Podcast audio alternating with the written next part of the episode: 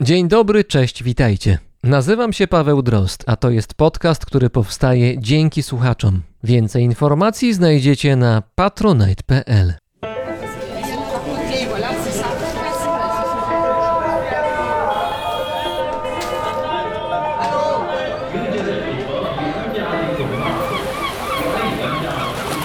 Brzmienie świata z lotu Drozda.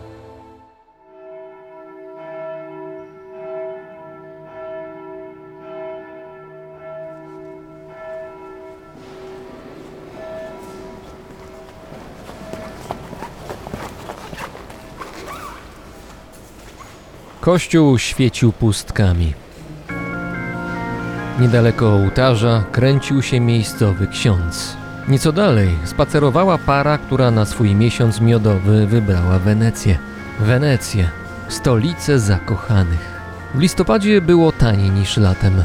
Było też znacznie chłodniej, szczególnie tu, w kościele San Jeremia. Świątynia powstała w IX wieku i była wielokrotnie przebudowywana. Swoją sławę zawdzięczała niezwykłej lokatorce. Ta leżała w oszklonym sarkofagu w jednej z naw. Spod wykwintnej sukni wystawały wysuszone dłonie i stopy. Na twarzy miała maskę. Zanim ciało świętej Łucji zagościło w kościele San Jeremia w Wenecji, miało za sobą historię kilku podróży. Z Syrakus, skąd Łucja pochodziła, trafiło do centralnych Włoch, a później wróciło do Syrakus. Kolejnym przystankiem był Konstantynopol, skąd po wyprawie krzyżowej w XII wieku przeniesiono je do Wenecji, do kościoła Santa Lucia. Tu spoczywało przez 600 lat, aż do roku 1861. Kościół Santa Lucia stał się wtedy ofiarą postępu. Na jego miejscu władze Wenecji zaplanowały budowę dworca kolejowego. Musiał zniknąć z powierzchni ziemi. Ciało świętej Łucji przeniesiono więc do innego kościoła, kościoła San Jeremia. Tutaj święta Łucja miała spoczywać w spokoju po kres czasu. Był rok 1981.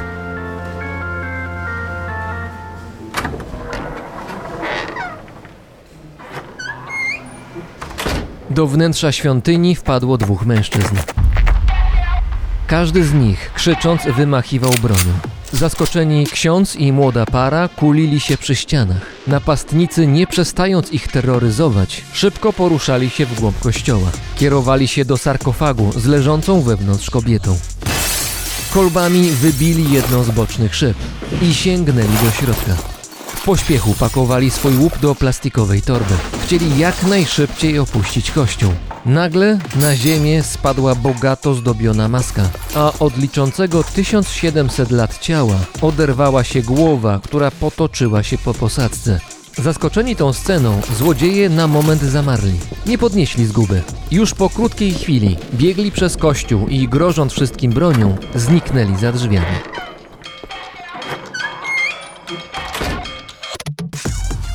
Bezgłowa święta wyruszyła w swoją kolejną, pośmiertną podróż.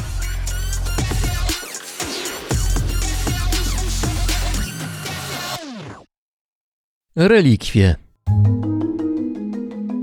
Przedmioty związane pośrednio lub bezpośrednio z osobami świętymi. Największe religie różnią się tu podejściem. W hinduizmie relikwie w zasadzie są nie do pomyślenia. Ciało człowieka po śmierci jest rytualnie nieczyste i jakikolwiek z nim kontakt kładzie się cieniem na żywych. Z tego powodu do dzisiaj zmarłymi, a w szczególności obrzędem palenia ciał, zajmują się ludzie uznawani za przedstawicieli najniższych warstw społeczeństwa.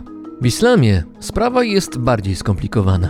Niektóre nurty tej religii wyraźnie potępiają czczenie relikwii jako rodzaj bałwochwalstwa. Inne natomiast mają podejście bardziej liberalne.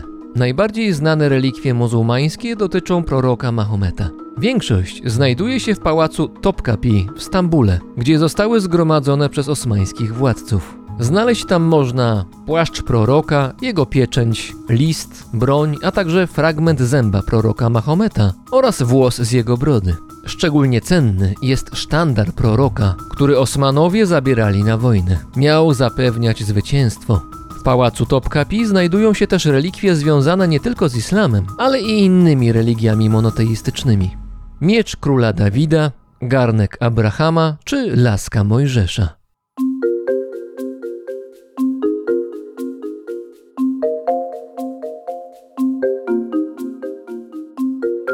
Relikwie pełnią ważną funkcję w buddyzmie. Domniemane ziemskie ślady po Buddzie stawały się fundamentem dla obiektów sakralnych, które przyciągały i wciąż przyciągają wiernych. Buddyjskie konstrukcje, które pełnią rolę relikwiarzy, występują pod różnymi nazwami. Bodaj najbardziej znane to stupy, które można znaleźć na przykład na terenie Indii. Mają zwykle kształt dzwonów, często z rodzajem iglicy. W tradycji tybetańskiej budowle te znane są jako czorteny. W Azji Wschodniej, na przykład w Japonii i Chinach, stupy mogą być dużymi budynkami, przypominającymi okazałe wieże zbudowane z kilku nałożonych na siebie dachów, które tworzą kolejne kondygnacje. Chodzi o pagody. Również one pełnią zwykle rolę relikwiarzy. Kilka stóp znajduje się również w Polsce. Najstarsza z nich powstała w 1990 roku i znajduje się między Toruniem a Warszawą, w miejscowości Kuchary.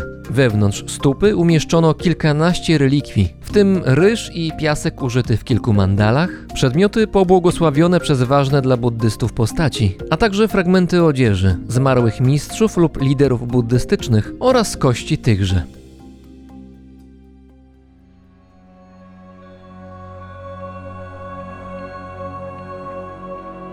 Zgodnie z pismami starożytnych Indii, po kremacji ciała Buddy pozostały ślady jego ziemskiej obecności. Owe relikwie podzielono między ośmiu królów, a następnie ponad dwa tysiące lat temu zebrał je cesarz Asioka. Ten ponownie podzielił relikwie, ale tym razem rozdysponował je pomiędzy 84 tysiącami świątyń w całych Indiach. Jedną z najświętszych buddyjskich relikwii jest ząb Buddy, znajdujący się na Sri Lance. Nie jest jasne, jak ów ząb na wyspę trafił. Zgodnie z legendą, przewiozła go pewna księżniczka, która uciekła z Indii na Sri Lankę. Relikwie miała ukryć we włosach. Na miejscu ząb Buddy został przekazany lokalnemu królowi. Od tego czasu ten bardzo ważny obiekt kultu wzmacniał prestiż lankijskich władców i był symbolem władzy. Panowało wręcz przekonanie, że kto ma ząb Buddy, ten na polu walki nie znajdzie sobie równych. To, czy Buddha pochwalał rozwiązywanie konfliktów poprzez wojnę, to już inna sprawa. Wiadomo natomiast, że pierwsza stupa, która miała zawierać w sobie ząb fundatora religii, została zniszczona razem z siedzibą ówczesnego władcy. Relikwie przeniesiono, co zdarzało się jeszcze kilka razy, aż trafiła do miejsca znanego jako Świątynia Świętego Zęba w centralnej części wyspy.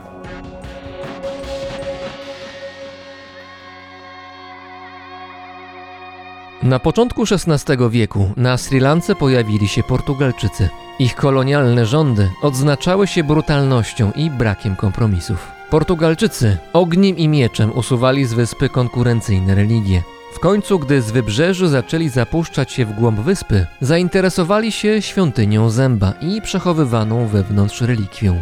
Ząb został skradziony i przewieziony do głównego wówczas portugalskiego ośrodka w tej części Azji, do Goa w zachodnich Indiach. Dalsze szczegóły tej historii mają co najmniej kilka wersji. Zgodnie z jedną z nich, Portugalczycy byli przekonani, że owszem, są w posiadaniu zęba, ale nie jest to ząb ludzki, lecz należący do małpy. Niektórzy uważali, że chodziło o białą małpę, co sugerowało, że może chodzić o personifikację boga Hanumana, jednego z najważniejszych bogów w hinduizmie, który przedstawiany jest jako władca małp. Porwany przez Portugalczyków ząb miał najwyraźniej duże znaczenie, skoro okoliczni buddyjscy władcy proponowali porywaczom bogaty okup. Jednak arcybiskup Goa uznał, że w przejętym zębie jest coś diabelskiego. Dlatego buddyjska relikwia została publicznie zmiażdżona w moździerzu, a pozostałości rozrzucono w powietrzu. Byłby to koniec zęba Buddy, gdyby nie jeden szczegół. Syngalezi ze Sri Lanki uważają, że najeźdźcy nie aresztowali prawdziwego zęba. Ten właściwy miał być wcześniej ukryty i bezpiecznie przetrwał czasy kolonialnej zawieruchy. Do dzisiaj na miejscu pojawiają się buddyjscy pielgrzymi. Ząb Buddy ze Sri Lanki nie jest jedyną częścią uzębienia twórcy buddyzmu, która jest obiektem kultu religijnego. Inne zęby znajdują się w świątyniach w Japonii, Chinach, na Tajwanie, w Singapurze, a nawet w Kalifornii w Stanach Zjednoczonych. W tamtejszej świątyni znajdować się ma ząb Buddy, który rośnie. Obecnie ma ponad 5 cm długości i jest większy niż kciuk dorosłego mężczyzny. Znawcy tematu, zapytani o przyczynę tego stanu rzeczy, odpowiedzą najczęściej, że ząb jest źródłem mocy i świętości. We wrześniu 2022 roku na terenie tej kalifornijskiej świątyni odbyła się wystawa o nazwie 10 tysięcy relikwii buddyjskich. Oprócz modlitw i medytacji, goście mogli wziąć udział w podziwianiu różnego rodzaju kamieni szlachetnych, które zgodnie z wierzeniami pozostały po skremowaniu Buddy 3000 lat temu. Duży ząb Buddy również był do obejrzenia.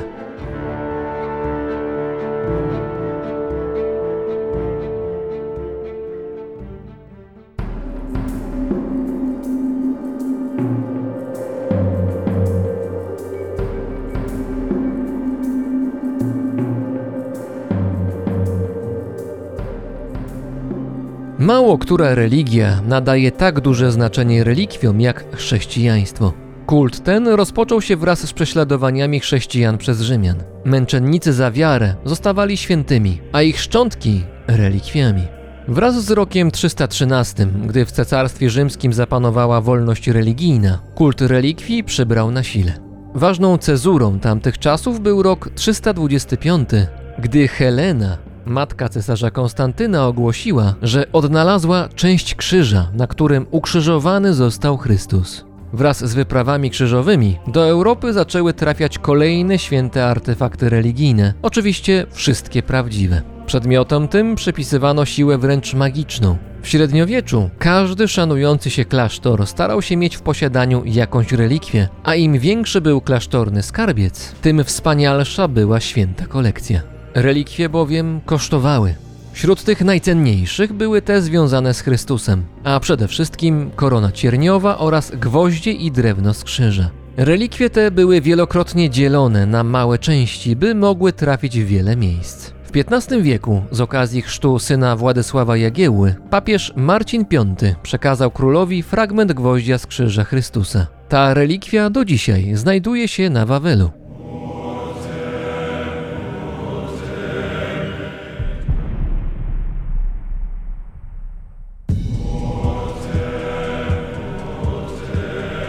Chrześcijaństwo, szybko zdobywające nowych wiernych, potrzebowało nowych świątyń, a te kolejnych relikwii. Popyt budował podaż, dlatego na oficjalnym i nieoficjalnym rynku pojawiały się setki, jeśli nie tysiące świętych artefaktów, które krążyły z rąk do rąk. Była to również okazja dla oszustów. Dzięki nim gwoździ czy fragmentów drewna z krzyża Chrystusa było w obiegu tak dużo, że zebrane razem posłużyłyby do zbudowania nie jednego, a dziesiątek lub setek krzyży. Sytuację zauważyły władze kościoła. W 1215 roku podczas Soboru Laterańskiego ustalono, że relikwie stają się relikwiami jedynie po zatwierdzeniu ich przez papieża.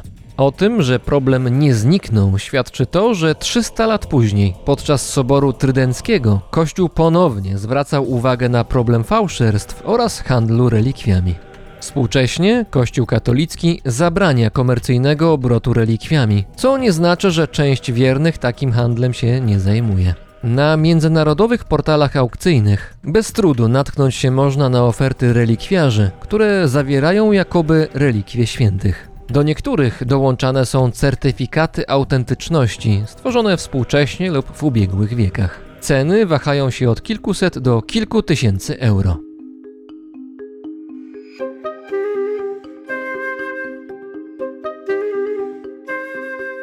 Osobną częścią chrześcijańskiego świata relikwii były fragmenty ciał. W przypadku Chrystusa w grę wchodziła pępowina oraz najbardziej osobliwy wariant napletek. Zgodnie z prawem żydowskim Chrystus był obrzezany, a pozostałość po tym obrzędzie stała się obiektem kultu. Święty napletek traktowany był jako relikwia najwyższej klasy.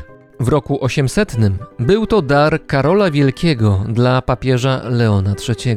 To, jak Karol Wielki wszedł w posiadanie relikwii, nie jest jasne. Być może ta trafiła do niego z Bizancjum. Relikwię uznano za autentyczną, 1905 roku potwierdził to papież Pius X.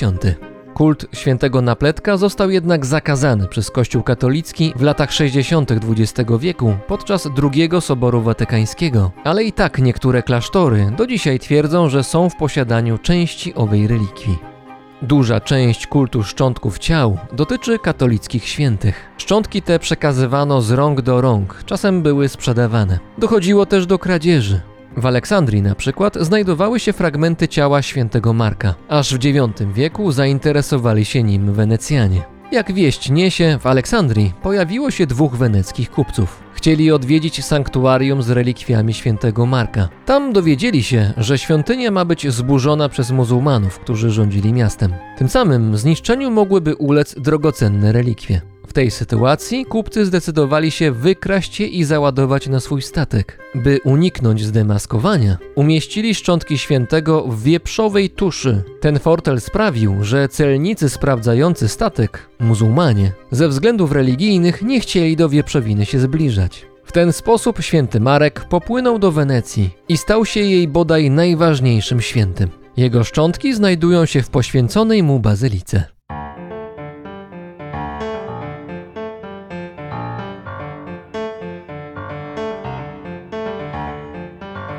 W Wenecji oprócz relikwii świętego Marka znajduje się również ciało świętej Łucji.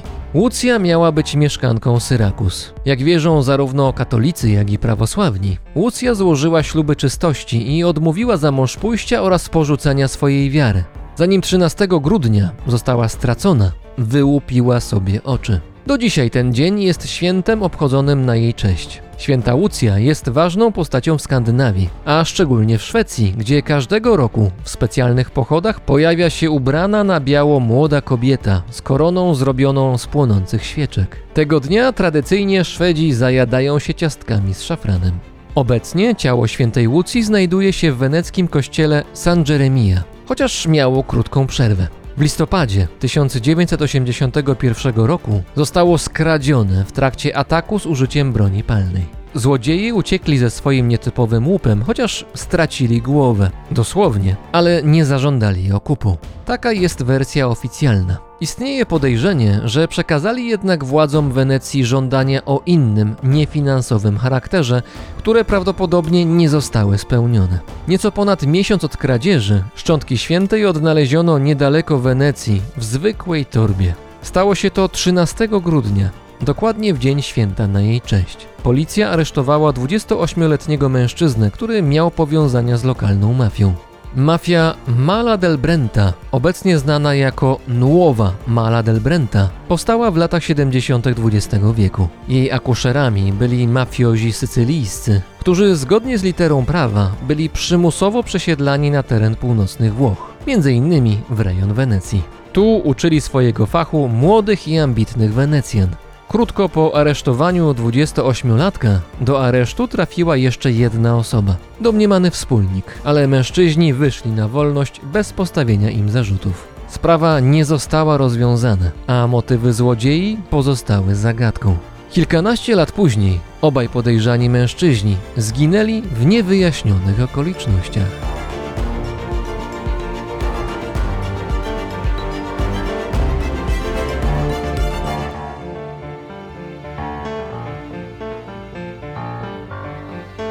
Tym odcinku będziemy w ojczyźnie świętej Łucji, gdzie zarówno mafii, jak i świętych z charakterystycznymi życiorysami nie brakuje.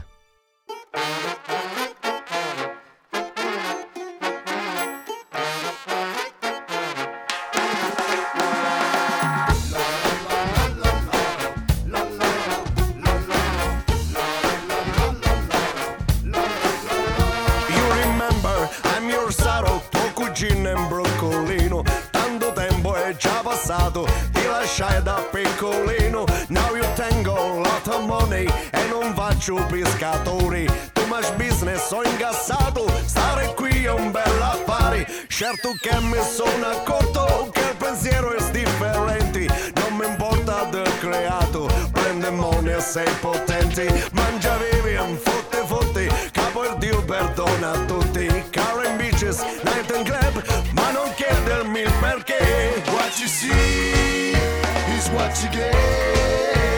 That's my real true fucking story, say. What you see is what you get. Back to square, my dear brother Sorry, excuse me once again. What you see? You gotta sing it. What you see? You gotta move it. What you want Is it gotta be so damn È troppo facile mostrarsi proprio simili col fare prepotente e transigente A volte indifferente di chi solo con i soldi riesce ad esaltare il proprio ego, con tutta appartenenza ad una specie un po' coglione un po' animale, che non ci serve a niente perlomeno fa incazzare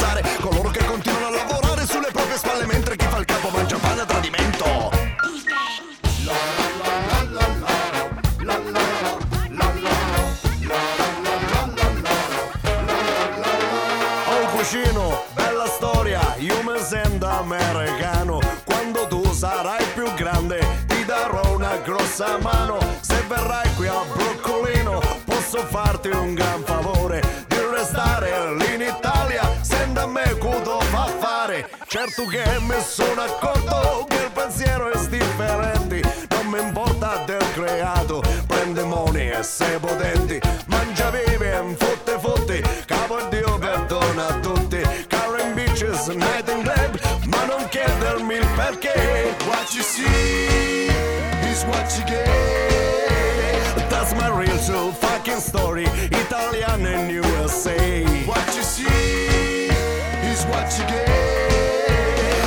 to square, my dear brother, sorry excuse me once again.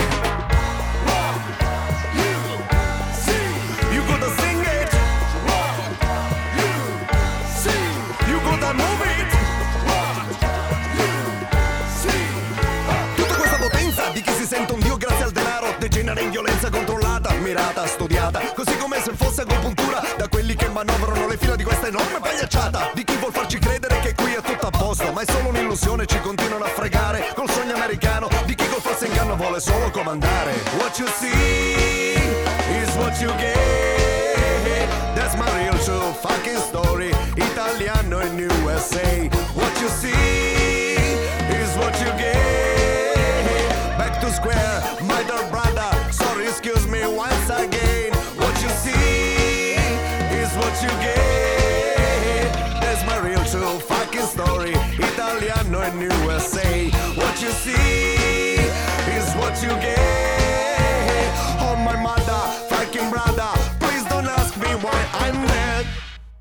Razem z nami jest teraz etnolog z Uniwersytetu Jagiellońskiego w Krakowie, dr Łukasz Sochacki. Dzień dobry. Dzień dobry, witam serdecznie. Będziemy rozmawiać o miejscu, które dla pańskich badań jest miejscem ważnym, o Sycylii. Zacznijmy może od wysokiego C. Jadł pan kiedyś pierś świętej Agaty? Jadłem. Jak wrażenia? Bardzo, bardzo, ale to bardzo słodka. Taka, że zęby wykręca, ale jednocześnie smaczna. Ma coś w sobie kuszącego, to znaczy, że z zewnętrznej strony jest chrupka, cukrowa, bo jest polana zazwyczaj lukrem jakimś cytrynowym, migdałowym, czasami pistacjowym, czy takim jakimś cytrusowe albo orzechowe rzeczy. U góry jest krucha, a w środku ma zazwyczaj ricottę i biszkopt, więc jak się przebijemy już zębami przez tą słodkość, to wkraczamy w coś takiego właśnie miękkiego, mięsistego i zarazem wilgotnego. Także są niesamowite wrażenia e, smakowe, nie tylko ze względu na, no, na sam smak, na to, że to jest rodzaj deseru, ale też również ze względu na faktury, takie sprzeczne faktury, które w sobie ten deser łączy. Także niesamowite wrażenia. Ja muszę przyznać, że też podzielam to wrażenie, że to jest bardzo, bardzo, bardzo słodkie. To znaczy 150% normy tam jest lekką ręką przekroczony. Natomiast tutaj mówił Pan o tych wrażeniach, które towarzyszą jedzeniu, ale też są wrażenia wizualne. To znaczy ta potrawa, ten deser, to jest rzecz, która zwraca swoją uwagę nie tylko nazwą, pierś świętej Agaty, ale też wyglądem. To znaczy, to ma wyglądać jak pierś jakoby wzorowana na świętej katolickiej, świętej Agacie, która zgodnie z przekonaniem chrześcijan zginęła w trakcie prześladowań na Sycylii, prześladowań chrześcijan oczywiście. W trakcie tortur oprawcy mieli uciąć jej piersi, a po tym wydarzeniu Sycylia zyskała ważną patronkę, to znaczy straciła patronkę, no bo ona zginęła ostatecznie, ale zyskała świętą. Republika San Marino, to ciekawe, zyskała święto państwowe, to jest 5 lutego, a Catania, czyli miasto, w którym najczęściej, najłatwiej można zjeść ten deser, o którym mówimy, czyli pierś świętej Agaty, Catania zyskała właśnie taki ciekawy produkt gastronomiczny, którego pewnie by się nie powstydził żaden kanibal, czyli ta pierś świętej Agaty. Kim była w ogóle, albo może kim jest w tej chwili ta święta, ta postać, to hasło święta Agata dla Katanii? Może na razie spójrzmy na samo miasto, a zostawmy na razie Sycylię jako taką. Dla Katani, dla Katańczyków, kobiet, mężczyzn, święta Agata jest najważniejszą świętą. To się włącza w szersze zagadnienie związane z tym, że na Sycylii, ale szerzej we Włoszech, a może nawet w basenie Morza Śródziemnego, święci, patronowie miast są dość mocno celebrowani. I Agata właśnie jest taką patronką, opiekunką, protektorką Katani. Tak się zdarzyło, czyli miasta na wschodzie Sycylii, ponad Syrakuzami. No i co roku, a właściwie chyba dwa razy w roku, Katańczycy celebrują tą świętą poprzez ucztowanie, procesje przez miasto, przybieranie miasta w rozmaite kolorowe napisy, flagi, transparenty, wydarzenie towarzyszące to od ściśle religijnych, czyli kolejne msze, w których można uczestniczyć, ale też wydarzenia kulturalne w to się włączają. Także ewidentnie miasto w tych dniach jest nabrzmiałe wydarzeniami, nabrzmiałe świąteczną atmosferą, która przez kilka dni, to jest nie tylko 5 lutego, ale to jest powiedzmy kilka dni przed tym 5 lutego się zaczyna i trwa przez prawie tydzień w Katanii. To ma postać takich procesji głównie, prawda? To znaczy idą ludzie niosąc coś, tutaj różne rzeczy mogą być niesione, czy ciągnięte, czy pchane, więc to jest wydarzenie, które angażuje wszystkich, nawet jeżeli nie chcą konkretnie pójść do jakiegoś kościoła, gdzie coś się odbywa, jakaś uroczystość religijna, no to biorą w tym udział chcąc, nie chcąc, idąc ulicami, bo się nie sposób nie natknąć na tych ludzi, którzy przez te ulice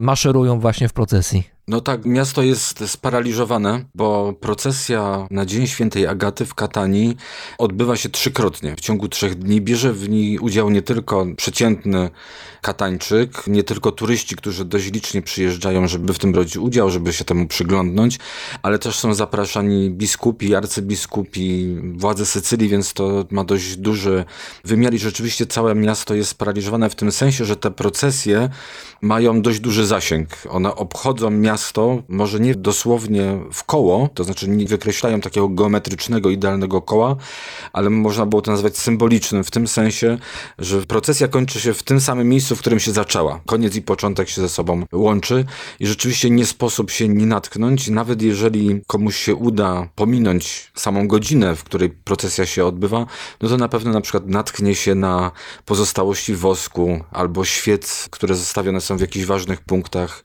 dla miasta albo punktach związanych z legendą świętej Agaty. Na pewno wdepnie i to dosłownie w wióry drewniane, które sypane są na ulicach, którymi się procesja przemieszcza. No i wtedy też właśnie po takim miękkim podłożu zamiast po twardym bruku chodzi. No i tutaj od razu muszę wyjaśnić skąd te wióry, skoro o nich powiedziałem. Z świętą Agatą związana jest zwyczaj obnoszenia takich wielkich woskowych, również dalej niektórzy noszą świec, ale one są również wykonane z wosku pszczelego, który jest tłusty, kapie, kopci i to nie są takie świece, jak my znamy gromnice, które można włożyć w jedną czy w dwie ręce, tylko są gromnice, które nosi się po prostu na plecach. To są gromnice, które mogą mieć średnicę nawet kilkudziesięciu do trzydziestu, myślę czterdziestu centymetrów. Nie mierzyłem tego, ale to jeżeli tak grzebię w pamięci. No w dwóch rękach na plecach taki wielki tobołek, który się żarzy, który jest gorący, no i który kopci i ten wosk kapie. No i włodarze miasta zabezpieczają w ten sposób ulicę. Więc rzeczywiście nie sposób nie natknąć się na jakiś rodzaj śladów związanych z celebracją patronki Katani. I tam jeszcze oprócz świec to chyba wóz jest wyprowadzany, prawda? Z tego co pamiętam, taki specjalny. Tak, jeszcze te świece dokończę, że te świece są noszone indywidualnie. To znaczy, jeżeli ktoś ma jakąś prośbę albo za coś dziękuję, no to wykonuje taką indywidualną wędrówkę wyznaczonymi ulicami miasta. Piazza Duomo z, no, z rynku, odpowiednik rynku w Katanii i idzie do tak zwanego kościoła Alborgo. No to jest kawałek, to jest na końcu ulicy Via Etna, ulicy Etny. No i wędruje pod górę takiej indywidualnej pielgrzymcy, ale są dwie inne jeszcze procesje. Jedna procesja to jest wtedy, kiedy wyprowadza się takie drewniane świece. Na takich nosidłach drewnianych postawiona jest drewniana rzeźba, która przypomina czy naśladuje, próbuje naśladować wielką, ogromną świecę. Ta świeca jest drewniana, ona jest inkrustowana, pomalowana zazwyczaj na kolor złoty. Na tej świecy umieszczone są obrazki przedstawiające najważniejsze wydarzenia z legendy o świętej Agaci. U góry są coś, co właśnie przypomina, czy ma przypominać znowu ogień ze świecy. Tam się znajdują najczęściej żarówki, które są zasilane akumulatorem. Współcześnie ten ogień został zastąpiony żarówką podłączoną do akumulatora, która też jest znoszona na tym nosidle. No i to są ogromne, ale też ciężkie przedmioty, taką kandelorę, drewnianą świecę niesie sześciu, czterech mężczyzn, którzy są naprawdę dużych rozmiarów. To są takie pudziany. Sześciu pudzianów niosło takie świece. Oni się muszą zmieniać, dlatego że droga jest długa. Wychodzą wcześniej rano ósma, dziewiąta i niosą ją aż do wieczora, czy nawet właściwie w naszych warunkach do nocy. No muszą się zmieniać, muszą odpoczywać, robią przerwy, jedzą kanapki, rozmawiają z, z ludźmi, idą znowu dalej. To jest drugi atrybut, czy drugi artefakt, drugi przedmiot związany. A trzecia rzecz, o której pan wspomniał, po włosku to się nazywa il carro, czyli wóz. To jest wóz z pozostałościami, relikwiami świętej Agaty której towarzyszy też temu relikwiarzowi święta figura świętej Agaty towarzyszy. Trzeci dzień, w którym jeszcze inną procesją, innymi ulicami to miasto jest obchodzone i wtedy, kiedy wóz z tym relikwiarzem jest wyprowadzany razem z tą świętą figurą, no to jest największe święto, największe tłumy tego dnia się gromadzą. No i rzeczywiście, jak tam byłem, to można obserwować różne zachowania. To jak mówiłem, że przyjeżdżają turyści, którzy krążą, fotografują, dziwią się. Są takie dziwne persony jak ja, które się interesują zawodowo takimi celebracjami, świętami religijnymi, no ale głównym elementem programu, głównymi bohaterami tego wydarzenia są ewidentnie osoby wierzące, które przekazują wota na ten wóz w postaci zakupionych wcześniej woskowych świec, które no, obsługa tego wozu przyjmuje, zapala i jedzie dalej, a niektórzy proszą o to, żeby dotknąć tego wielkiego relikwiarza, dotknąć, czyli jakiejś czapki, jakiejś rękawiczki, pierścionka, no wszystkiego, co może przejąć tą świętość na siebie, albo w co wierzący chce, żeby ta świętość się przelała, jakieś obiekty dla tej osoby cenne. Więc to są takie gry i zabawy katańskie. W jakim celu dzisiaj organizowane są te procesje? To znaczy, ja wiem, że to pytanie może zabrzmieć banalnie albo nawet jakoś dziwnie, no bo powiedzieliśmy, że chodzi o świętą Agatę, święto związane z jej legendą, ważne dla Katanii i tak dalej, ale może poszukajmy tutaj głębiej odpowiedzi. To znaczy, na pewno część z uczestników tych procesji to są katolicy, dla których to jest po prostu wydarzenie o charakterze religijnym, element wiary, ale poza tym to jest coś więcej niż ustawka dla turystów, to jest coś więcej niż jarmark, niż miejsce i okazja, żeby się spotkać. Na ile to jest na mapie Katanii coś, co wyznacza ważny element tożsamości całego miasta? Myślę, że taki rodzaj święta, mimo tego, że od podszewki jest religijny, to on ma taką moc, no nie wiem, odtwarzania, budowania wspólnoty miejskiej, która wokół Katani się tworzy. To jest funkcja takiego rytuału integrująca, no, czyli on organizuje, czy właśnie buduje, to jest jakiś symbol, jakieś wydarzenie, z którym się utożsamiamy. Jeżeli jesteśmy Katańczykami, no to jakby czujemy taki wewnętrzny przymus uczestniczenia w tym wydarzeniu. Dla nas, dla Polaków to może być trochę niezrozumiałe, dlatego że w obrębie miast takich świąt po prostu w Polsce nie ma aż tak mocnych, a przynajmniej nie są tak powszechne. Może nie, że ich nie ma, ale że nie są aż tak powszechnymi czynnościami i praktykami, ale to też sięga trochę głębiej, to znaczy to sięga w poczucie tożsamości Włochów. Kiedy Włoch się przedstawia, to on nie mówi, że jest z Polski, tylko mówi z jakiego miejsca, czyli że on jest na przykład ze Sieny, albo z Katanii, albo z Palermo, albo z Rzymu. Nie mówi, że jest Włochem. Więc historia Włoch sprawia, że jest bardzo silne przywiązanie do lokalności. Trochę inaczej niż u nas. Na kontrze może wydaje mi się, że w Polsce też się coś takiego rodzi. Chodzi mi o to, że rodzi się taka potrzeba pewnego wydarzenia w obrębie miasta, które niekoniecznie jest traktowane ortodoksyjnie, niekoniecznie jest potrzeba rozumienia go ściśle w kontekście religijnym, jako właśnie święta dewocyjnego, poświęconego jakiejś świętości. A mam na myśli coś, co się rodzi w Krakowie, czyli Orszak Trzech Króli, który też uważnie śledzę i który też się wywodzi z tekstu biblijnego, ale coraz więcej osób, które niekoniecznie niekoniecznie muszą się utożsamiać z Kościołem katolickim, bierze w tym udział. Tutaj rozumiem, że jakimś przykładem oprócz Krakowa w Polsce może być Poznań chyba ze świętym Marcinem na 11 listopada. Tak, tak, tak, jak najbardziej. Jak najbardziej widać, że to, co się nazywa dziedzictwem Często wystarczy tradycja, takie wydarzenia nabierają coraz większej rangi w kontekście budowania lokalnej, miejskiej tożsamości. Powiedział pan, że święta Agata to jest najważniejsza święta dla wszystkich mieszkańców Katanii, tylko że no jest to święta chrześcijańska, katolicka, a tymczasem na Sycylii przecież mieszkają nie tylko katolicy, co więcej mieszkają też przedstawiciele innych nacji, którzy na Sycylię się zjechali. Mamy tam no właściwie cały konglomerat różnych wpływów, nacji, języków i tak dalej. Zresztą cała Sycylia taka była zawsze, to znaczy była taką wyspą powiedzmy patchworkową, to znaczy z lepkiem różnych elementów, które się ścierały, łączyły się czasami, czasami się jakoś przeobrażały na miejscu. Mieliśmy i Rzymian, i pewnie jakiś Fenicjan, i Francuzów, i Arabów oczywiście, którzy duże piętno odcisnęli, zresztą pozytywne chyba, głównie w architekturze widoczne na wyspie, a współcześnie na przykład mamy jakieś mniejszości spoza kontynentu europejskiego nawet, które tam też mieszkają. Ciekaw jestem na ile oni się odnajdują w tych tradycjach, które jednak są bardzo zakorzenione w tradycjach chrześcijańskich, ale z drugiej strony bardzo sycylijskich, lokalnych. W przypadku Katanii świętej Agaty nie mam takich śladów czy tropów, natomiast mam pewien trop w przypadku innej świętej, czyli świętej patronki Palermo, stolicy Sycylii, a mianowicie świętej Rozalii.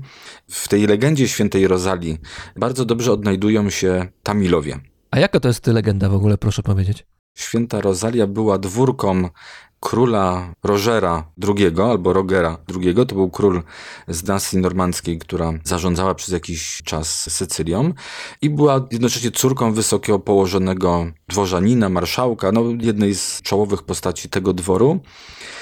I zamiast poślubić wybranka, jak to wtedy tych czasach było, że te śluby były aranżowane, zamiast tego no, zamknęła się w klasztorze. Najpierw w jednym, później w tym klasztorze ją rodzice dopadli, odnaleźli, przekonywali ją, więc ona się jeszcze bardziej na Sycylii schowała. Przez długi czas nie była obecna i według legendy wróciła niedaleko Palermo, zamieszkała w jaskini i tam w tej jaskini zmarła. I to jest pierwsza część legendy. W międzyczasie było też tak, że do tej świętej Rozalii przychodzili rozmaici ludzie, potrafiła ich uleczyć albo łaski dla nich zdobyć, miała dość bliski kontakt z Panem Bogiem. Po kilku stuleciach już jakiegoś tam drobnego kultu tej świętej Rozalii w Palermo, do Palermo tunezyjski statek przywiózł dżumę. No i ta dżuma trawiła Palermo niesamowicie i jednej z mieszkanek objawiła się ta święta Rosalia i powiedziała, jeżeli odnajdą jej grób i oddadzą jej cześć, wystawią odpowiedni tam, pomnik, kapliczkę, no to ona wtedy wstawi się i uleczy tych palermian, wygoni tą dżumę i rzeczywiście ta kobieta odnalazła tą jaskinię, została wyleczona, a święta Rosalia w dowód wdzięczności, zasług wypędziła tą dżumę tak jak obiecała. I od tej pory święta Rosalia jest tą naczelną świętą, nie jedyną, ale stała się naczelną. To z kolei święta Agata się wsławiła tym, że zatrzymała lawę, która miała zniszczyć Katanię, prawda? Lawę z Etny oczywiście. Tak, tak, tak, tak. Ważne jest tutaj powiedzieć, że święta Rosalia była dziewczynką, takim rodzajem anioła, osoby, hmm, może to źle zabrzmi, ale takiej transgresywnej. Ta uroda była na tyle delikatna, można by powiedzieć aż chłopieńca. Ta płciowość nie była tak bardzo określona. Anielska była w swoim wyglądzie, tak przynajmniej w tych opisach jest. Podobno z tego powodu właśnie ci Tamilowie, ze względu na podobieństwo między wyobrażeniem, postrzeganiem tego, jak powinno bóstwo wyglądać w kulturze tamilskiej, a tą świętą Rozalią, no dość dobrze zaadaptowali ten kult w swoim obrządku. Wydaje się, że dość dobrze się odnaleźli również w tej strukturze miejskiej, tych sieciach relacji Palermo. Więc są dzisiaj dużą wspólnotą, dobrze akceptowaną przez pozostałych, ale też dobrze zorganizowaną, jeżeli chodzi o ekonomię, o życie społeczne, kulturalne. Bo wracam do tego, że ewidentnie ten patchwork, jak ładnie pan to powiedział, czy mozaika, Sycylia jest takim bo nie chodzi tutaj o ziemię, tylko o wszystko, co tworzy ten splot tej historii, pewnej wyobrażeń, roślin, które tam rosną i są wykorzystywane. Jest takim dobrym substratem do akomodacji, do adaptacji, do przystosowania się na tym terenie. Nie wiem, na czym polega ten fenomen, bo to jest właśnie to pytanie. Co tam się dzieje, że to tak dobrze funkcjonuje, ale coś jest ewidentnie na rzeczy. Bo rzeczywiście jest tak, że i w przeszłości, chyba współcześnie też, Sycylia jest takim miejscem, którym kultury się zderzają, ale to zderzenie to nie zderzenie czołowe, tylko jakiś rodzaj mieszania się ze sobą, powstawania być może jakichś nowych wartości, nie wiem, wartości sycylijskiej może, jeżeli coś takiego jest. No, Sycylia jest wyspą, co samo w sobie już świadczy o tym, że musi być jakaś osobna. Ma częściową autonomię od państwa włoskiego, zresztą swego czasu przecież przez chyba kilkaset lat była królestwem, więc ma to niemal we krwi, można powiedzieć, czy w ziemi, o, może w ziemi sycylijskiej jest ta odrębność. I to pewnie dalej jeszcze jest odczuwalne. Przywiązanie do autonomii sycylijskiej i do tego, że wyspa jest autonomicznym bytem w obrębie Republiki Włoskiej jest bardzo przywiązane. Zresztą każde jakieś próby zabrania tej autonomii albo jakiegoś prawa, na przykład ogólnoeuropejskiego, które narusza pewne sprawy, które sobie autonomia sycylijska wypracowała z rządem włoskim, spotyka się z protestami, oporem, dyskusją. To nigdy tak gładko nie przychodzi. Bardzo mocno pilnują tego, żeby tą autonomię posiadać. One wyrażają ją na rozmaity sposób. Mają swoją flagę. Mówi się, że sycylijski to nie jest żaden dialekt, tylko podobnie jak napolitański to jest osobny język. Jest na rzeczy coś, bo może nawet jeżeli niektórzy lingwiści, językoznawcy z tym się nie zgodzą, to jak Sycylijczyk zaczyna mówić, mówić po sycylijsku, to osoba, która zna włoski, również rodowity Włoch z północy, z trudem potrafi zrozumieć swojego rodaka, można powiedzieć, czy członka tego samego państwa. Chyba było tak, że po II wojnie światowej, z tej zawieruchy bitewnej, wojennej, kiedy wyłaniał się nowy porządek w Europie, to część Sycylijczyków próbowała nawet ogłosić jakiś rodzaj, nawet nie autonomii, tylko nawet niepodległości. Chcieli wrócić do dawnych czasów, kiedy Sycylia była czymś osobnym. To rzeczywiście też tak było. To było zarówno przy zjednoczeniu Włoch, takie próby podejmowano, ale nie zgodził się na to ani Garibaldi, ani niemożliwił w pewien sposób, ale i Garibaldi, i, i Manzoni, i Wiktor Emanuel II te rozmaite zabiegi polityczne podejmowali, przekupowali, przekonywali, zapraszali do parlamentu, nadawali tytuły, obiecywali pewne rzeczy, żeby to uniemożliwić. No i po II wojnie światowej dokładnie takie same zabiegi polityczne podejmowano, ale to w żaden sposób nie zmienia tego, że że, że Sycylia to jest osobny świat, to jest osobny kontynent w Europie właściwie. To o tym osobnym świecie jeszcze za chwilę będę chciał porozmawiać, ale najpierw chciałbym wrócić do flagi, o której Pan wspomniał. Ona jest niezwykła, bo tutaj rozmawialiśmy o częściach ciała świętej Agaty i o tych odciętych piersiach i o tych relikwiach, które gdzieś tam są wożone po katani. Tutaj też właściwie mamy trochę taki rodzaj. Hmm, zdekompletowanych, jakoś rozdzielonych częściach ciała, bo mamy na fladze Sycylii, tutaj powiem dla tych, którzy nie wiedzą jak ona wygląda, ona ma dwa kolory, to znaczy czerwono-żółta jest, podzielona jest po przekątnej, a w centrum znajduje się głowa, która na nas patrzy. Głowa jest otoczona czymś w rodzaju wieńca. No a najwięcej uwagi przyciągają trzy nietypowo przyczepione do tej głowy nogi. Właściwie to myślę, że Picasso spokojnie mógłby znaleźć tutaj inspirację. Myślę, że mógłby odnaleźć w tym coś do przetworzenia artystycznego. Ja próbowałem odczytać tą flagę Sycylii w taki troszkę inny sposób, bo ta głowa to prawdopodobnie jest głowa meduzy, czy mitologicznej postaci, niezbyt dobrej, z którą jak się spotkamy, to możemy skamienieć, czy taki bazyliszek z antycznej Grecji. Tamten wieniec, no właśnie tutaj jest zawsze pytanie o to, czy ten opis zgadza się z tym, co widać na obrazku. Ja tam widzę wężowe włosy, niektórzy właśnie widzą jakieś wieńce z kłosów. Ja tam widzę wężowe włosy, może jakoś uprawamacjam, czy próbuję przekonać do tego swojego rozumienia tego symbolu i tej flagi. No i wokół mamy trzy te jakby trochę nogi w biegu. Te nogi najbardziej mnie intrygowały i te nogi nie są aż takie wyjątkowe, ponieważ mamy na wyspie Man takie nogi, tylko że rycerskie. Podobne trzy trąby są w herbie Zakliczyna w Małopolsce. Występują te potrojenia, takie figury zgięte w innych też, również w popkulturze, w serialach Marvela, więc w wielu takich rzeczach to występuje. No i wyśledziłem, że to jest pewna figura geometryczna, która się nazywa Triskeles. To moje rozumienie może jeszcze jest uzasadnione tym, że Sycylia nazywana jest, albo jedna z historycznych nazw to jest Trinakria. Trinakria, Triskeles, tutaj coś się rymuje, czyli to tri, trzy. Ta figura tych trzech nóg to jest spirala. Spirala złożona z trzech elementów. ta figura nie tylko geometryczna, którą może część z Państwa zna na przykład ze zdjęć galaktyk, gdzie mamy albo dwie takie nogi, albo czasami trzy, które się obracają, które wirują.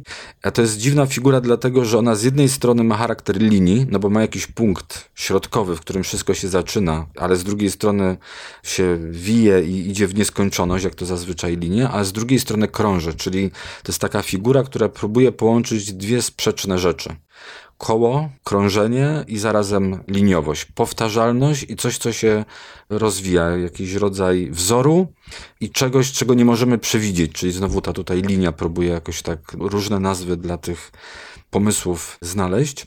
To jest też czasami nazwa, zwłaszcza w jakichś mitach, legendach, opowieściach, bajkach, nazwa na labirynt, na rodzaj zagubienia.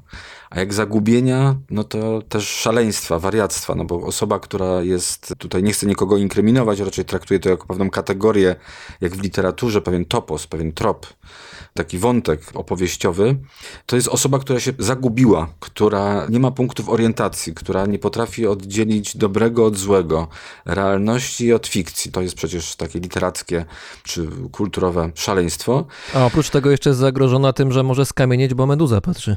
Bo jest ta meduza, dokładnie, i ona jest groźną rzeczą. I trochę Sycylia jest takim wariactwem, czymś, co jest w biegu, kalejdoskop tych wszystkich podbojów, tych kultur, które się ze sobą zderzają, a zarazem jest ciekawą perspektywą wybiegającą w przód, rodzajem takiej laboratorium czy metafory, gdzie się wszystko kotłuje i możemy obserwować, co tam się dzieje i testować, co być może się wydarzy w sercu Europy. Znalazłem ciągłość albo jakąś analogię, podobieństwo między tym symbolem Sycylii, a jej historią i też opowieściami, które są gromadzone, opowiadane, przekazywane o tej Sycylii. Trochę zagmatwałem, ale inaczej nie potrafiłem, bo ten problem jest skomplikowany. Ciekawe jest to, co pan powiedział o tym, że Sycylia może być traktowana jako rodzaj laboratorium dla Europy. To znaczy, że coś w Europie się ma zdarzyć, albo może zdarzyć się w przyszłości w skali makro, a na Sycylii możemy to wcześniej obserwować w skali mikro, jak rozumiem. Dlaczego pan tak uważa? Zacznę od teraźniejszości. W tej chwili Sycylia jest regionem Europy frontowym, w tym sensie, że przyjmuje migrantów, którzy przybywają do nas przez Morze Śródziemne z Afryki i z Bliskiego Wschodu. I dzieje się to tam na niespotykaną skalę od naprawdę długiego czasu. To znaczy, kiedy pierwszy raz tam pojechałem, było to 10 lat temu, a może jeszcze dłużej, to zaskoczyli mnie wędrujący wzdłuż morza, wzdłuż tych nadmorskich dróg mężczyźni czarnoskórzy. Jak się orientowaliśmy, to byli Etiopczycy albo z wschodnio-środkowej części Afryki. I właściwie nie wiedzieliśmy, co się wtedy dzieje. Spędzali czas przy fontannach, na przykład w Trapani czy w Marsali. Spędzali czas na plaży, nawet poza sezonem, więc to było naprawdę dziwne zjawisko. I wtedy w Polsce o migracji z Afryki w ogóle nie słyszano, a Sycylia, Włochy sobie już próbowały poradzić z tym zagadnieniem, znaczy w jaki sposób dać pozwolenie na pracę, w jaki sposób inkorporować do społeczeństwa, jakie wytyczne migracyjne, czy jakąś pewną politykę migracyjną przyjąć. Dzisiaj, kiedy ta skala na Sycylii jest jeszcze większa, do tego stopnia, że są te sprawy związane z przekazywaniem do innych państw, to wydaje mi się, że Sycylia po prostu ma doświadczenie, jest właśnie takim laboratorium, gdzie taki kocioł kulturowy się dzieje i możemy się wyłącznie uczyć od Sycylijczyków i od rządu autonomii sycylijskiej, w jaki sposób takie sprawy rozwiązywać. To nie jest pierwsze takie wydarzenie, bo od starożytności te procesy społeczne czy polityczne na Sycylii po raz pierwszy rodziły się czy wybijały. Podobnie było z rewolucjami czy buntami niewolników. W antycznym Rzymie to był region, w którym te bunty wybuchały i rozprzestrzeniały się na pozostałe obszary Italii. To były rodzące się potęgi polityczne, to znaczy Andegawenowie, zanim byli Andegawenami, no to zarządzali Sycylią, podobnie Normanowie. Czyli właściwie wiele takich rzeczy, które później śledzimy w innych częściach Europy, w małej skali skali, ale z równą intensywnością ma miejsce na Sycylię. Próbuję pogrzebać za przykładami podobnie ze sztuką.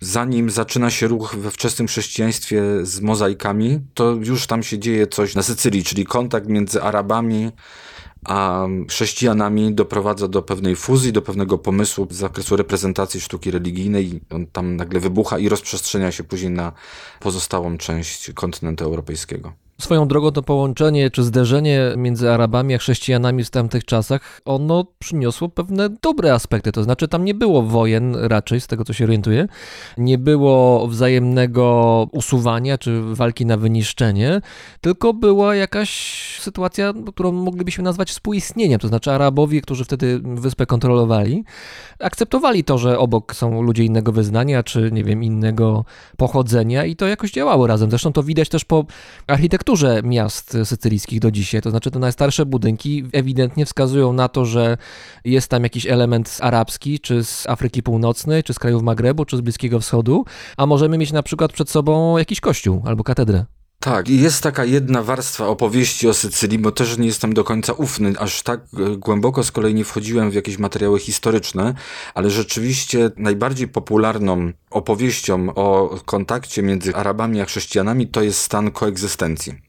Jednym z przyczyn takiej koegzystencji jest znowu sytuacja, tak jak na tych trzech nogach, że powtórzyła się pewna relacja, czyli na Sycylii mamy dobrze rozwiniętą kulturę, jakąś kulturę, jakąś społeczność, która może się pochwalić dużymi osiągnięciami technologicznymi, artystycznymi, architektonicznymi z zakresu gospodarki czy rolnictwa i przybywa jakaś mniejszość, która jest silniejsza militarnie i zdobywa nad nią przewagę. Tutaj jest jakieś takie napięcie polityczne, czyli Arabowie, którzy opanowali wyspę, dość dobrze ją zagospodarowali przyjeżdża garstka wikingów, no bo tym byli Normanowie i udaje im się ze względu na siłę militarną podbić sycylijskich Arabów, ten emirat sycylijski.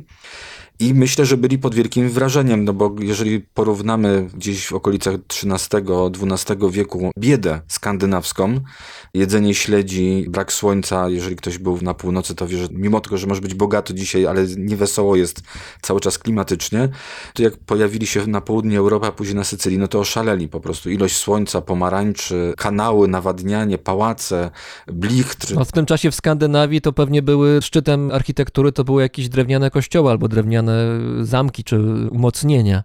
Dokładnie, zapewne ogrzewane jakimś lichym płomieniem. To jest jeden element. No i pewnie jakimś rodzajem na przetrwanie władzy Normanów, no było ten rodzaj koegzystencji, ale myślę, że to po prostu było też kuszące dla nich, żeby sięgnąć po te wszystkie rozwiązania i rzeczywiście królowie normańscy, Roger I, II, no nosili się z arabska, budowali architekturę na wzór arabski albo łączyli te dwa elementy, czyli jakieś style romańskie, gotyckie i styl arabski, robiąc fuzję, ale tak samo w kuchni to się przejawia w połączeniu kuskusów i mięs rozmaitych, a nie na przykład owoców morza, chociaż też, albo w tym, że na Sycylii zdarzają się niebieskoocy blondyni, czego nie kojarzymy z Włochami, ale zdarzają się genetycznie.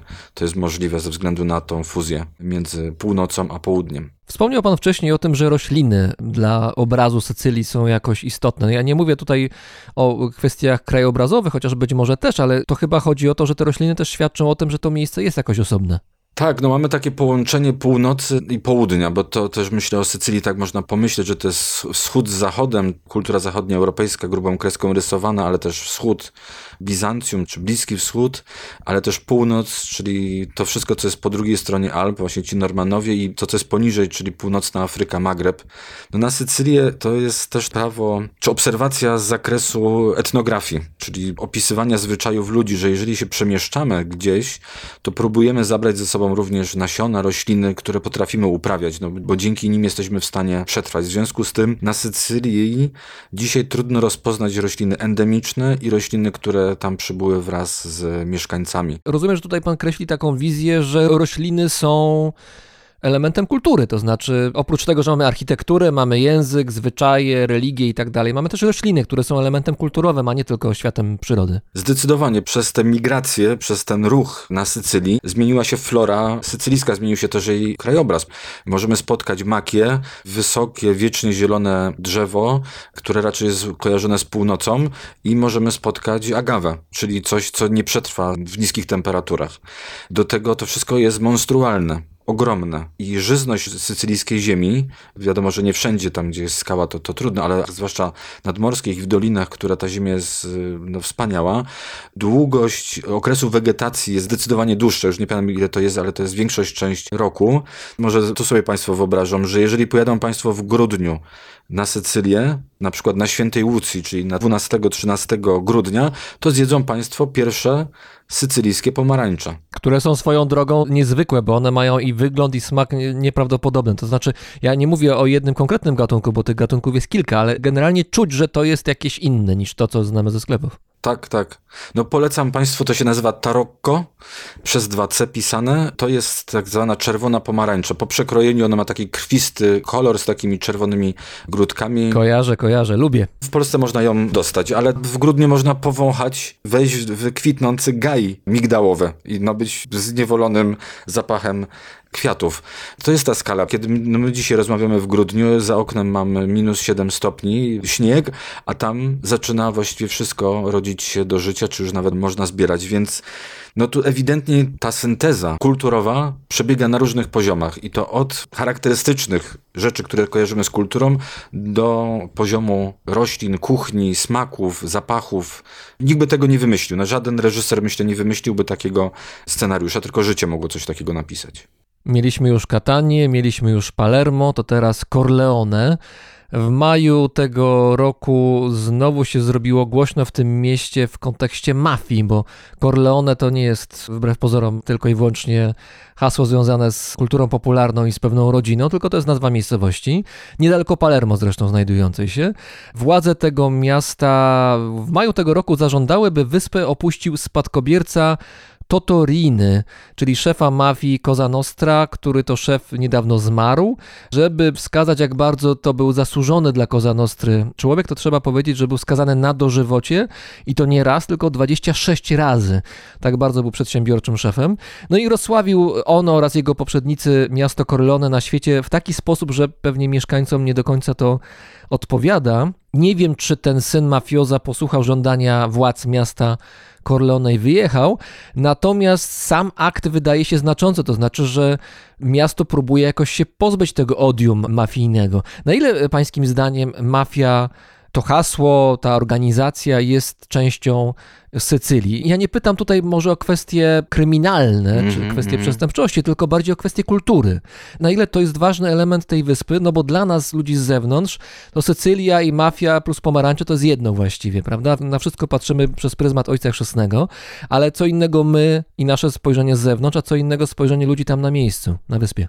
Rozmaite uwikłania między światem polityki, gospodarki, codziennym życiem, typ płacenie haraczy, załatwianie spraw w urzędzie y, jest dalej stale obecne, czy ten mechanizm nieformalnego, nieoficjalnego załatwiania spraw. To nie jest właściwe określenie, ale może też część ze słuchaczy zna coś takiego jak sieciowienie. Coraz częściej mówimy o tym, że żeby funkcjonować w rozmaitych relacjach towarzyskich, biznesowych, również akademickich, politycznych, to nie wystarczy oficjalna droga postępowania, tylko że świat jest na tyle skomplikowany, w naszym przypadku że trzeba się też sieciowić, trzeba mieć jakiś taki system poręczeń. I o ile u nas jest to w jakiś sposób poza Sycylią, że tak to pozwolę sobie ująć, że to się dzieje nas w sposób otwarty, jawny, że tutaj nic nie ukrywamy, to na Sycylii to jest coś, jakby to powiedzieć, wyrodzonego, skrzywionego, ale cały czas stale obecnego. Bo chodzi o to, że mamy z jednej strony do czynienia ze z kryminalną strukturą, która dla własnej korzyści i korzyści swoich członków używa siły, i pieniędzy po to, żeby jeszcze mieć więcej pieniędzy, jeszcze więcej władzy, to jest jedno. Ale też nastąpiło takie połączenie, że to jest coś więcej, że ten sposób myślenia wyrodził się z sytuacji historycznej, kulturowej samej Sycylii, czyli właśnie, żeby nie ufać władzy, bo ona niczego nie załatwi, że lepiej iść do lokalnego jakiegoś tam autorytetu, czy mówiąc brzydko, kacyka, który te rzeczy załatwi.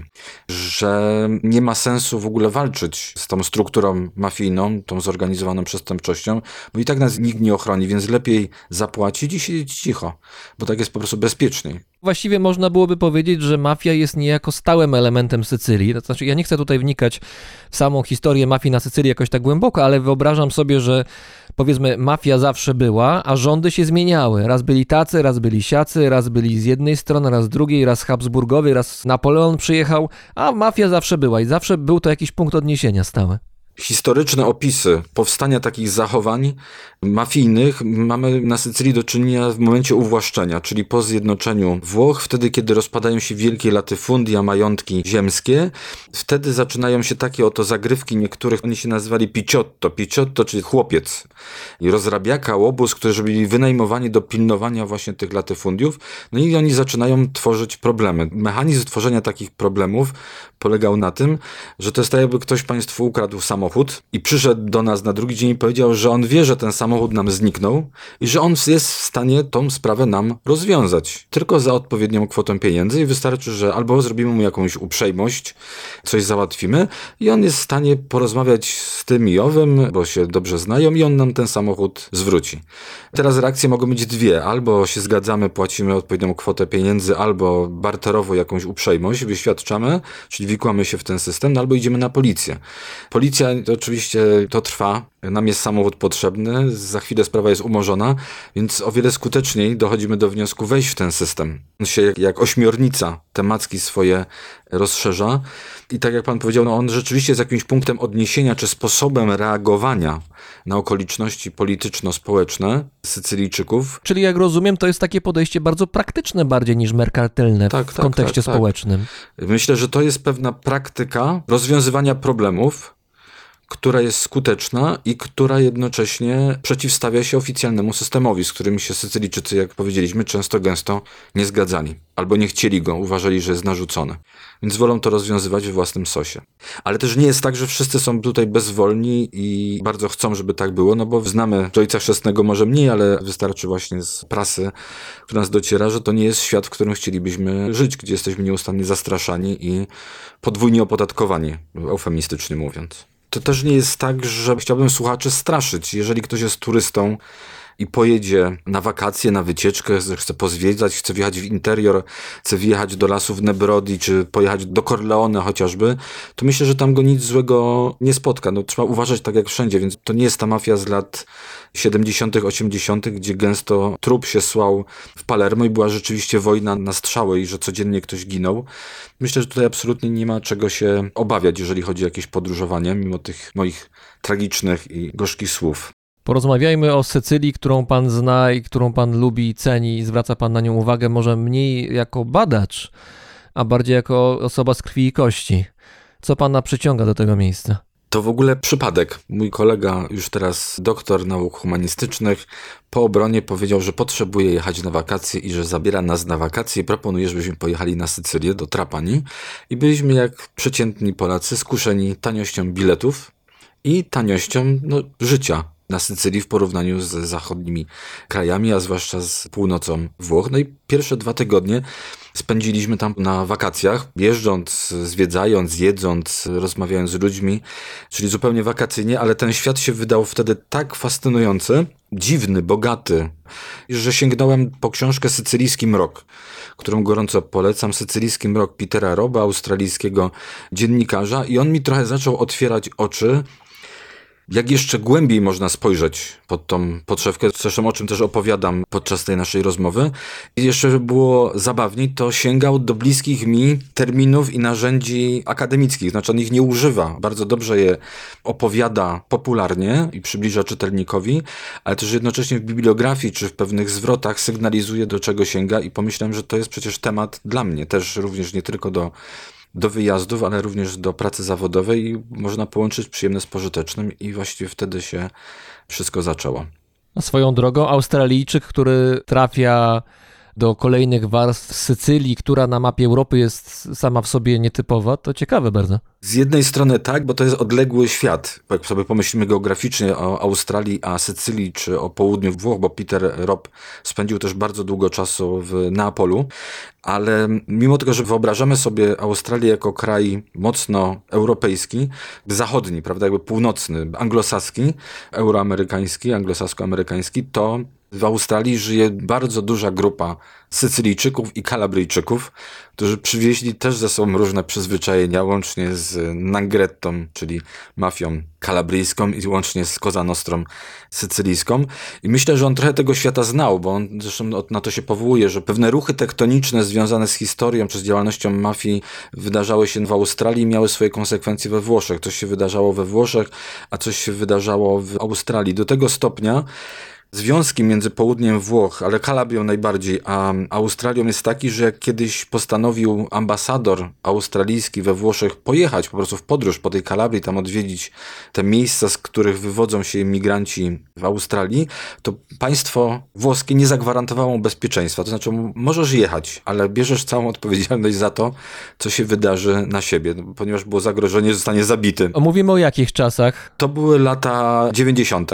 I w latach 90. państwo nie mogło mu zapewnić bezpieczeństwa? Do dzisiaj są obszary, w, których powiedzmy, że siła, ale mówię o sile armat, tak, sile kontroli, gdzie Nangrete i Cosa Nostra są o wiele silniejsze, o wiele bardziej wpływowe niż lokalni urzędnicy, czy policjanci, karabinieri. Gdyby tak nie było, to by się Totorina nie ukrywał przez tam kilkadziesiąt lat, prawda? W jakimś górskim schronieniu, co prawda, no ale nikt go nigdy nie wydał, nikt go nigdy nie widział. Też wiemy, że podróżował po Włoszech, że to nigdy nie było tak, że był zamknięty w jakiejś dziurze, ale no, to jest smutna prawda o południu Włoch. No właśnie, południe Włoch. Sycylię można zaliczyć do tej części kraju, państwa włoskiego, czyli do południa. Obok Sycylii, zaraz na wschód, mamy Kalabrię.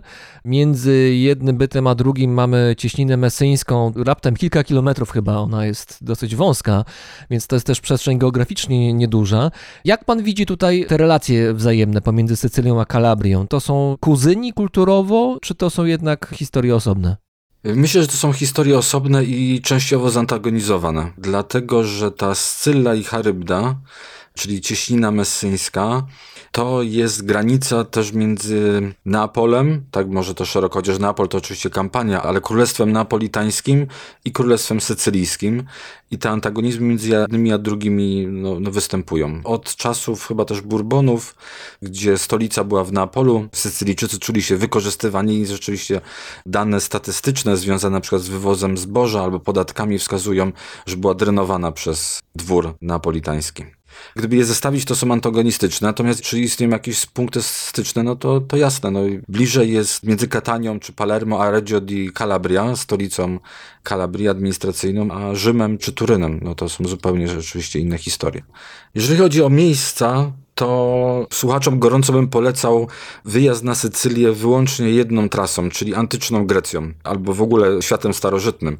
I to można w dowolnym miejscu wyspy zacząć.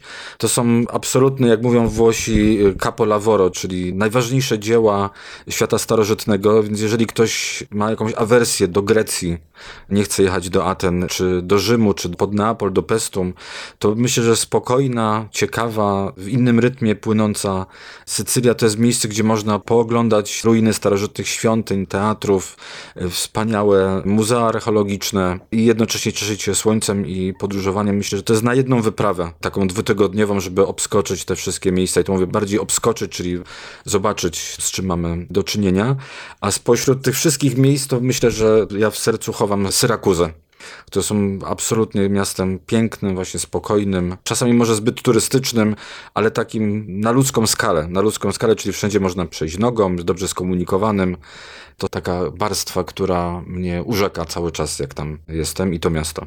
Ja jak byłem raz na Sycylii, to pamiętam, że jednej rzeczy tylko żałowałem, to znaczy, że w miejscowości, chyba ona się nazywa Noto, No to. taka stosunkowo nieduża, znajdowała się, czy znajduje się lodziarnia, podobno słynna, która parę razy się pojawiła w różnych wątkach Filmach. spod znaku, tak, filmach dokumentalnych, slow food i tak dalej. Mhm. Tam jeden z twórców, czy właścicieli tej lodziarni, która tam z dziada, pradziada istnieje w tej miejscowości, robił jakieś eksperymenty. Teraz trochę będę konfabulował, ale to jakieś lody, nie wiem, z małżami, z rybami, jakieś dziwne eksperymenty. W każdym razie chciałem tego spróbować, ale niestety właśnie w sezonie zimowym, o dziwo, lodziarnia była nieczynna. Także to jedyna rzecz, której nie widziałem, nie sprawdziłem na miejscu. Tak, ale to jak pan mówi o Noto, to to jest druga ścieżka obok tej y, starożytnej, czyli barok. To jest głównie wschód Sycylii. No pięknie byłoby pojechać do, y, właśnie zobaczyć Messynę, Katanie, Noto i Modica. Tygodniowa znowu wyprawa, żeby sobie tylko barok, ale to naprawdę absolutnie y, oszałamiający barok zobaczyć. I jeszcze mam jedną rzecz, że gdyby ktoś był zainteresowany trochę tą Sycylią więcej, to na początku wydaje się, że tego nie ma wiele, ale jeżeli się trochę popuka w ścianę, to się odzywają różne głosy i to po polsku. Znaczy są różne rzeczy, które o Sycylii wyszły. Jest wspaniała, klasyczna powieść Gepard albo Lampart, bo są dwa tłumaczenia. To jest powieść historyczna autora Giuseppe Tomasiego. Klasyk, wydaje mi się, że od tego można zacząć. Są filmy o Włoszech, Rocco i jego bracia. Stromboli, też ekranizacja Geparda. Jeżeli ktoś by chciał wejść w sycylijskie tematy, i nie mówię wyłącznie o tekstach popkultury, tylko na, też o wspaniałych, wybitnych dziełach, to tutaj bym to gorąco polecał. Poza tym Peterem Robem, dziennikarzem, który zdaje relacje z pewnego fragmentu historii Sycylii. A pańskim zdaniem hollywoodzka opowieść z poznaku Ojca Chrzestnego coś o Sycylii mówi? Jeżeli się odrze te romantyczne wątki, romantyzujące, to myślę, że wiele mówi o sposobie myślenia, łączenia kropek przez tych ludzi, autorytet bossa, sposób zarządzania, sposób decydowania. Myślę, że tak, że on dobrze nazywa niektóre elementy tego świata, ale wydaje mi się, że lepiej, mocniej wnika w ten świat, żeby zrozumieć, co reguluje ludzkim zachowaniem. Dlaczego ludzie podejmują takie inne działania, w oparciu o jakie wyobrażenia o świecie, jakie relacje międzyludzkie decydują o tym, że się decydują na taki krok, a nie inny. To jest serial Gomorra. Mimo tego, że skrytykowany, ale myślę, że serial Gomorra i mimo tego, że z Neapolu, dość dobrze opowiada ten fragment nie tylko Neapolu, ale również Sycylii. Bardzo dziękuję. Razem z nami w Krakowie był etnolog z Uniwersytetu Jagiellońskiego, dr Łukasz Suchacki. Dziękuję bardzo. Do usłyszenia. Oggi tu cerchi quel colore che ti rappresenti. Strumenti e sonica, te dice non ci senti. L'odore che ricordi casa tua quando lo senti. Da storia che pare parla di te quando la conti. Guai c'è della musica che non può finire mai. E c'è sta musica suonare più, la senti forte.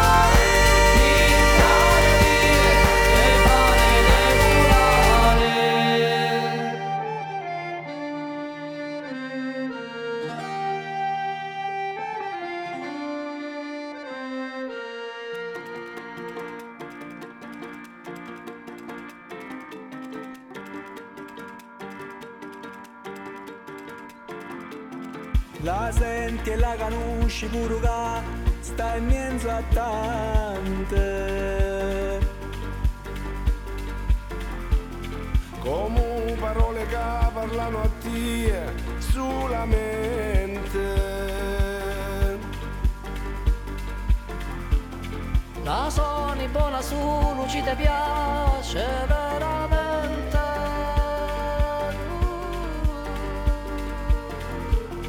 La e non te senti solo mai, mienza sta gente.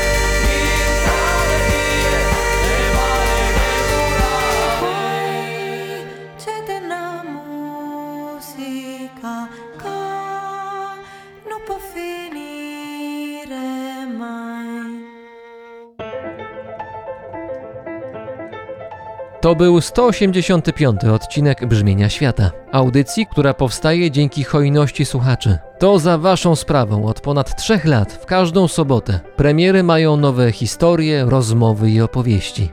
Do grona tych słuchaczy można dołączyć. Wystarczy odwiedzić stronę patronite.pl i tam odszukać Brzmienie Świata. Dziękuję wszystkim, którzy uczestniczą w zbiórce. Dziękuję również patronowi światoczułemu, firmie Ergo Ubezpieczenia Podróży.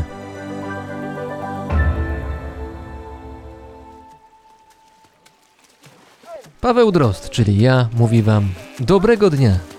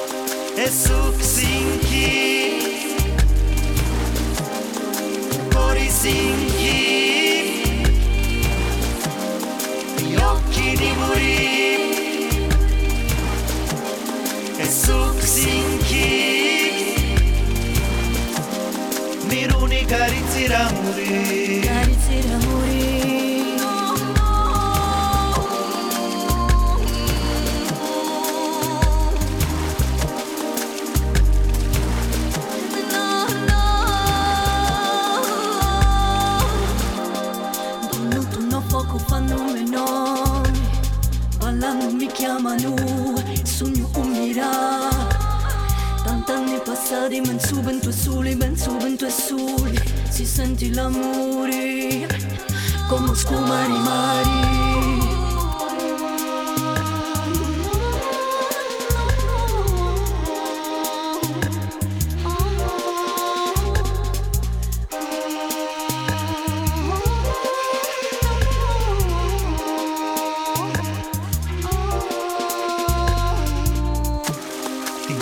Volano cara qua Occhi chini risi ti ballano. Si preparano i viupa e ti respirisci in un tuo sonno. A così, a domata contavan pifo con niruna Su tanfunno scavanno segnali ramuri Semmola bene male Semmola bene male